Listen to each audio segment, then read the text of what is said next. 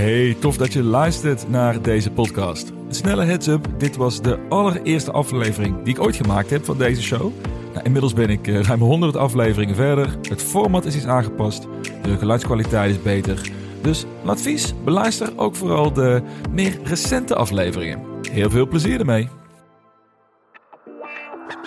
Dit is de wekelijkse podcast van MrDon.nl, waar ik jou iedere maandagochtend wil amuseren door te praten over investeren. Het is maandag 18 januari en ik heb er zin in, want dit is de eerste aflevering van de Mr. Don podcast. Voordat we starten, nog even een disclaimer. Want deze podcast is namelijk gemaakt om jou te vermaken en is zeker geen financieel advies. Wees verstandig, doe altijd je eigen onderzoek en beleg alleen met geld dat je kunt missen. Ja, voor vandaag hebben we een heel leuk onderwerp te pakken. We gaan het namelijk hebben over SPACs. Oftewel, Special Purpose Acquisition Companies. Nou, dat eh, klinkt als een mondvol. Het is eigenlijk vrij simpel. Wat is een SPAC? Een SPAC is eigenlijk een bedrijf zonder commerciële activiteiten die al beursgenoteerd zijn. Dus investeerders hebben geld verzameld, die hebben eigenlijk een fonds opgericht en die hebben dat fonds hebben ze naar de beurs gebracht. Uh, dat geld dat zit in het bedrijf, er gebeurt niks mee, er zijn geen activiteiten met het bedrijf.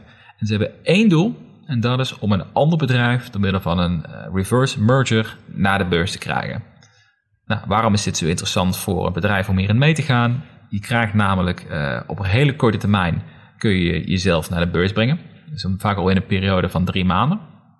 En tegelijkertijd krijg je ook meteen de investering mee vanuit het fonds. Dus dit is eigenlijk voor heel veel bedrijven die misschien net iets te klein zijn om zelf een beursgang te maken. Uh, of bedrijven die gewoon heel snel willen schakelen en een investering nodig hebben. Is dit een super interessante manier om nou, naar, uh, naar de beurs te komen. En daar kunnen wij als beleggers kunnen wij daar ons voordeel mee doen. Want ook wij kunnen gewoon investeren in specs. Zowel op het moment dat een bedrijf aangekondigd is, hè, dat we weten met wie ze gaan fuseren, maar ook voordat het bekend is. Nou, er is één heel interessant voordeel voor, uh, om te beleggen in specs. Er is namelijk sprake van een bodem. De spec bestaat namelijk eigenlijk uit puur de netto assetwaarde. En dat is het geld wat de investeerders erin hebben gepompt. En dat wordt verdeeld over het aantal aandelen. En dat die prijs die daaruit komt, dat is 99 van de 100 keer, is dan de prijs van 10 dollar. Dat is de absolute bodem. En dat komt omdat je op ieder moment kunt besluiten, voordat de fusie is afgerond, om je aandelen voor 10 dollar uh, te verkopen aan het bedrijf. Um, dus zelfs als zou de koers staan op 9 dollar op dat moment, kun jij nog steeds zeggen: ik wil mijn aandelen voor 10 dollar aan jou verkopen, terug aan het bedrijf en je krijgt het geld terug. Dus er is gewoon een, een eigenlijk gewoon een harde bodem uh, in de koers. Uh, en dat zie je ook bij alle specs. Is op het moment dat ze onder de 10 dollar komen, uh, worden ze heel snel worden ze opgekocht door, door beleggingsfondsen. Want dat is gewoon nou, letterlijk gratis geld eigenlijk. Dit maakt het super interessant, omdat je meteen van tevoren weet wat je maximale risico is. Dus als ik bijvoorbeeld ervoor besluit om te investeren in een spec, zeg dat ik 1000 euro erin pomp, voor, op een koers van 10 dollar, dan is mijn kans voor een daling of mijn maximaal verlies is letterlijk nul. Uh, klinkt alsof het uh, onzin is, maar dat, dat is het niet. Dat komt dus door die bodem. Die bodem trouwens, voordat ik het vergeet uh, te vertellen, die bodem bestaat totdat de fusie is afgerond. Dus ook na aankondiging bestaat nog steeds een bodem. daarna volgt nog dat de stakeholders en de shareholders van het bedrijf en jij eigenlijk moet gaan stemmen of je het een goede fusie vindt. Zo ja, dan wordt het vaak binnen 1 en 2 dagen afgerond. Dan wordt ook de ticker aangepast naar het nieuwe bedrijf. En op dat moment vervalt de bodem. En is het net zoals in ieder ander bedrijf op de beurs. Maar goed, daar gaan we iets te verder over in. Eerst een stapje terug. Waarom is dit nou zo interessant, namelijk voor beleggers? Je hebt dus een harde bodem. Um, dat betekent dat je heel selectief specs kan zoeken, die heel dicht bij die prijs zit. Uh, van 10 dollar dus meestal. Uh, er is maar één trouwens, maar één spec die boven de 10 dollar is. Uh, en dat is PSTH. Die is 20 dollar, omdat het veruit het grootste fonds is op die beschikbaar is. Maar eh, meestal is het 10 dollar en dat kun je lezen in de prospectus. Um, dus dat betekent als je besluit om in te kopen in een spec voor een prijs van 10 dollar, dat je eigenlijk geen verlies kunt maken. En dat je heel rustig kunt wachten op welk bedrijf ze naar de beurs gaan brengen. Dat is een bewezen strategie wat het afgelopen jaar ontzettend veel gebeurd is. Mede omdat er gewoon veel geld in de economie wordt gepompt. En omdat je tegelijkertijd ook geen rente hebt op je spaarrekening, is het veel interessanter eigenlijk om je geld tijdelijk te beleggen in een spec dan op de rekening te laten staan. Ehm, want wat je ziet namelijk is op het moment dat er een beetje geluiden komen rondom een spec, hè, dat zij een target uh, of een bedrijf gevonden hebben die zij graag naar de beurs willen brengen, afhankelijk hoe enthousiast beleggers daarover zijn, gaat de koers met ja, fors omhoog. Of hier wat kan er fors omhoog. En dan heb ik niet over een paar procent, maar dan heb ik over tientallen procenten uh, in een periode van een maand. Um, een mooi voorbeeld is namelijk wat afgelopen week gebeurd is. Dit is met het bedrijf CCIV, oftewel Churchill Capital. En is, daarvan is vorige week het gerucht gekomen via Bloomberg. Die hebben een artikel gepubliceerd over uh, dat CCIV in gesprek is met Lucid Motors. Nou, Lucid Motors, voor de meeste Europeanen niet bekend, uh, maar voor Amerikanen wel degelijk. Want het is namelijk uh, samen met Rivian de enige serieuze Tesla-concurrent die er bestaat. Um, en waar ook de nodige hype omheen is. Vorige week kwam dus het bericht uit van, uh, vanuit Bloomberg. En op dat moment stond de koers op rond de 14 dollar. Normaal gesproken vind ik dat te hoog om te gaan speculeren met een, met een spec. Omdat je dan, nou toch, uh, van de 14 dollar kan je dus 4 dollar kwijtraken als er uiteindelijk niks gebeurt. Of als de hype wegzakt of dat het onzin blijkt te zijn.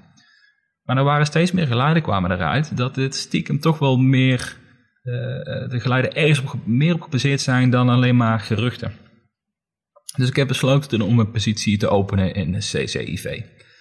CCIV is daarna in een enkele dagen, naarmate steeds meer geluiden en geruchten kwamen, gestegen naar, naar 21 dollar op het hoogtepunt.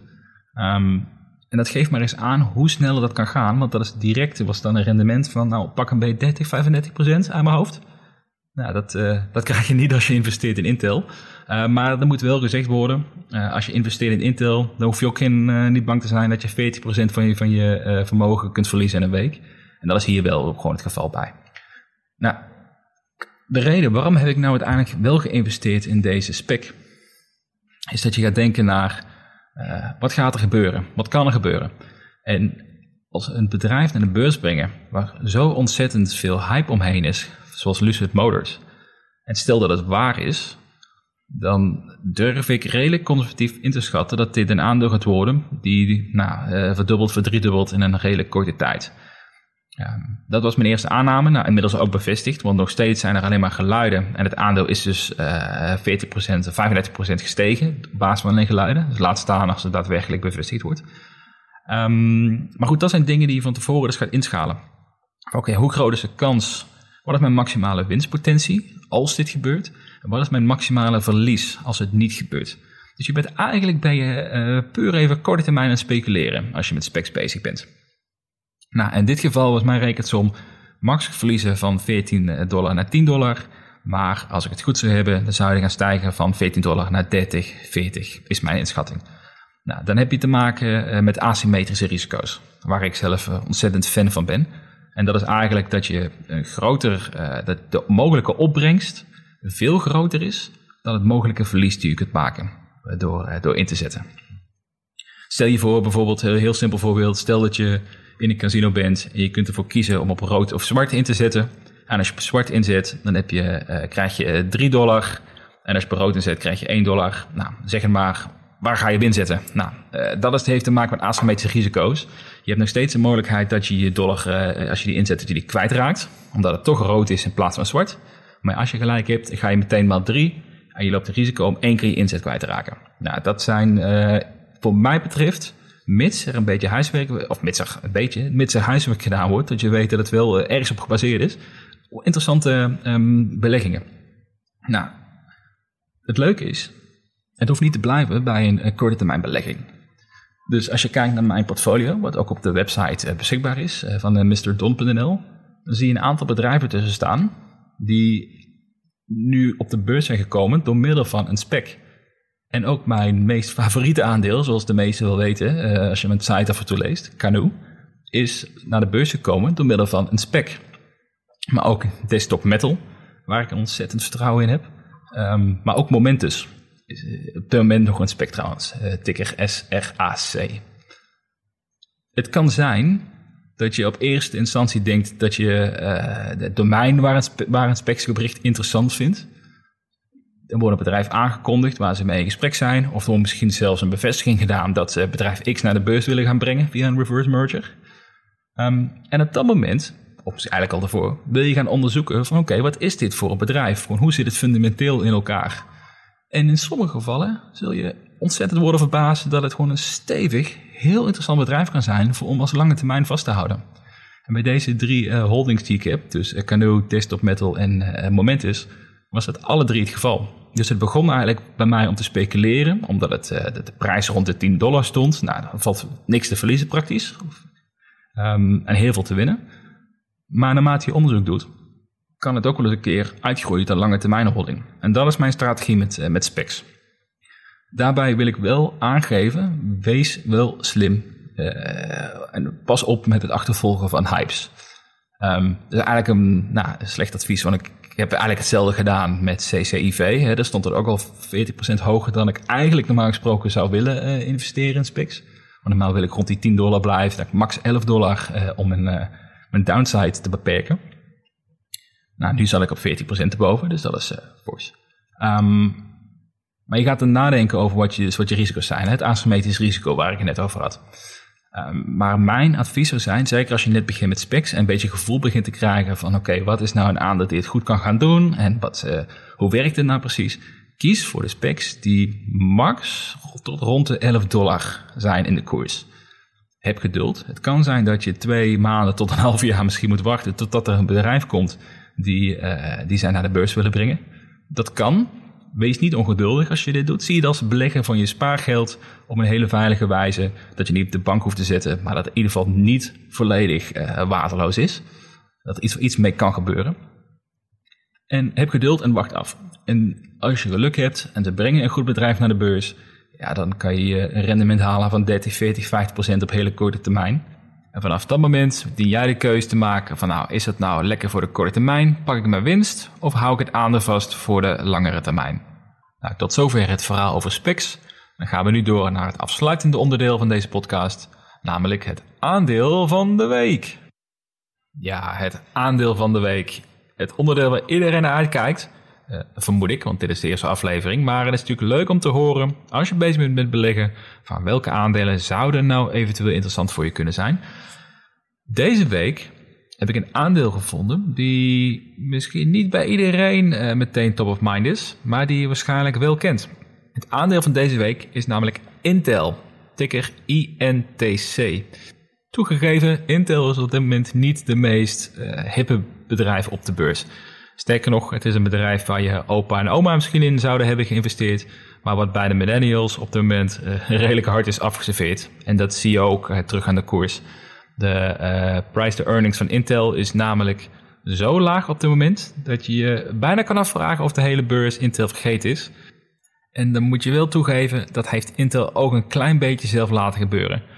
Uh, Intel is jarenlang dominant geweest op gebied van uh, computerchips. Er zijn de laatste jaren ook sterk in opkomst op gebied van uh, augmented reality, artificial intelligence, maar bijvoorbeeld ook betrokken bij autonome rijden. En nog meer innovaties die in de toekomst heel interessant zouden kunnen zijn. Alleen heeft Intel zich het kaas van het brood laten eten door de grootste concurrent AMD. Die de afgelopen jaren gewoon met, met goed beleid echt een revival hebben doorgemaakt. En inmiddels op de kernproducten van Intel gewoon een hele stevige concurrent zijn. En uh, sommigen zeggen ook wel dat ze gewoon veel betere producten hebben dan Intel. En dat, uh, nou, dat geloof ik eigenlijk wel. Maar dat betekent dus op dit moment dat Intel nou, een soort um, nou, een afdankertje is op de beurs. Het heeft uh, de, de waarde waar ik nu voor kan krijgen is eigenlijk bizar laag als je het vergelijkt met andere techbedrijven. En mijn inziens is het veel te laag zelfs. En daarom is Intel wat mij betreft een heel interessant aandeel om te overwegen voor je portfolio. Zeker, het zal niet de meeste, het bedrijf zijn waar je iedere dag met de meeste plezier naar kijkt. Van wauw, wat van vette dingen zijn zij aan het maken. Maar het is gewoon ontzettend ondergewaardeerd.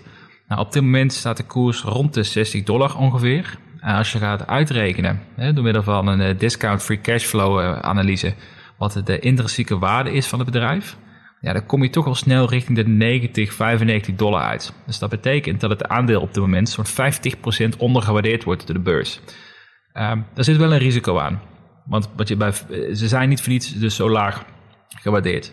Um, er zijn twee dingen die moeten gebeuren door Intel. En die zijn niet zomaar uh, voor elkaar. Eén daarvan namelijk is dat het management echt op de schop moet. Op dit moment zitten daar mensen waar nou, niet heel veel visie uitspreekt. En die ook hebben, eh, de afgelopen jaren niet hebben laten zien dat ze het bedrijf om kunnen draaien. Uh, dat ze weer de innovatieve partij kunnen worden die ze vroeger wel waren. En ook weer een dominante positie kunnen innemen. Want tot dusver wordt uh, AMD blijft marktaandeel van ze afpakken. Dus op managementgebied moet wat gebeuren. Nou, daar is toevallig afgelopen week iets mee gebeurd. De directeur, de CEO, is namelijk ontslagen. En er is een nieuwe CEO is aangesteld. Oud-directeur van VMware die veel meer een technische achtergrond heeft. Dus dat stemt mij al in ieder geval heel positief. En uh, tweederzijds is zij moeten nu eens even gaan doorkomen met gewoon prima producten maken. Uh, dus ze moeten gewoon laten zien dat ze niet verleerd zijn. En wat hen daar ontzettend bij gaat helpen, is dat zij een ontzettende, ontzettende netto winst maken iedere, ieder kwartaal. Uh, bizar hoog. De marges zijn ontzettend goed. Financieel zit Intel uitstekend in elkaar. Gewoon vrijwel geen schulden, hoge marges, ontzettende hoge free cash flow. Uh, ze hebben dus al het geld wat ze nodig hebben om te kunnen investeren in nieuwe producten. Dat doen ze ook. Een van de interessante divisies die ze hebben is Mobileye onder andere. Wat niet al te lang geleden is aangekocht en waar heel veel potentie in zit. Um, maar ja, ze hebben de potentie om echt een revival te maken, Intel. En om weer die 90 dollar waard te worden, wat ze uh, in ieder geval intrinsiek zouden, zouden zijn. Daarnaast bieden ze ook een interessante dividend. Dus het is wat mij betreft gewoon een goed bedrijf om in je portfolio op te nemen. Gewoon weg te stoppen, aantal jaren in je portfolio laten, niet meer naar kijken. En uiteindelijk uh, zien dat de koersprijs weer meer in de buurt komt van de intrinsieke waarde. En als dat het geval is, nou, dan zit je te kijken naar een upside van zo'n 50%. Dus um, wat mij betreft zeker een interessant aandeel om te overwegen voor de lange termijn. En iets waar je ook geen zorgen hoeft te maken dat als er een beurscrash komt, dat je aandeel ontzettend onderuit gaat. Want er valt niet heel veel meer af te straffen. Dus uh, geluk bij een ongeluk. En natuurlijk, doe altijd je eigen onderzoek. Weet wat voor bedrijf je koopt. Uh, maak een plan. Weet wanneer je een aandeel wil kopen of wanneer je aandeel wilt verkopen. En dan gaat het vast en zeker helemaal goed komen. Hiermee komen we ook meteen aan het einde van deze eerste aflevering van de Mr. Don podcast. Ik vond het ontzettend leuk om te doen. Ik hoop dat jij er ook van genoten hebt en dat je het uh, een leuke eerste kennismaking vindt met deze serie. Mocht je vragen hebben, kun je mij bereiken op mijn Twitter-kanalen of mijn Instagram-kanalen. Nou, die staan beschreven op de website mrdon.nl, uh, waar je ook nog veel meer artikelen kunt vinden over investeren. Uh, zowel over aandelen, maar ook over cryptocurrency en over investeren in startups. Voor nu ontzettend bedankt voor het luisteren en graag tot de volgende aflevering.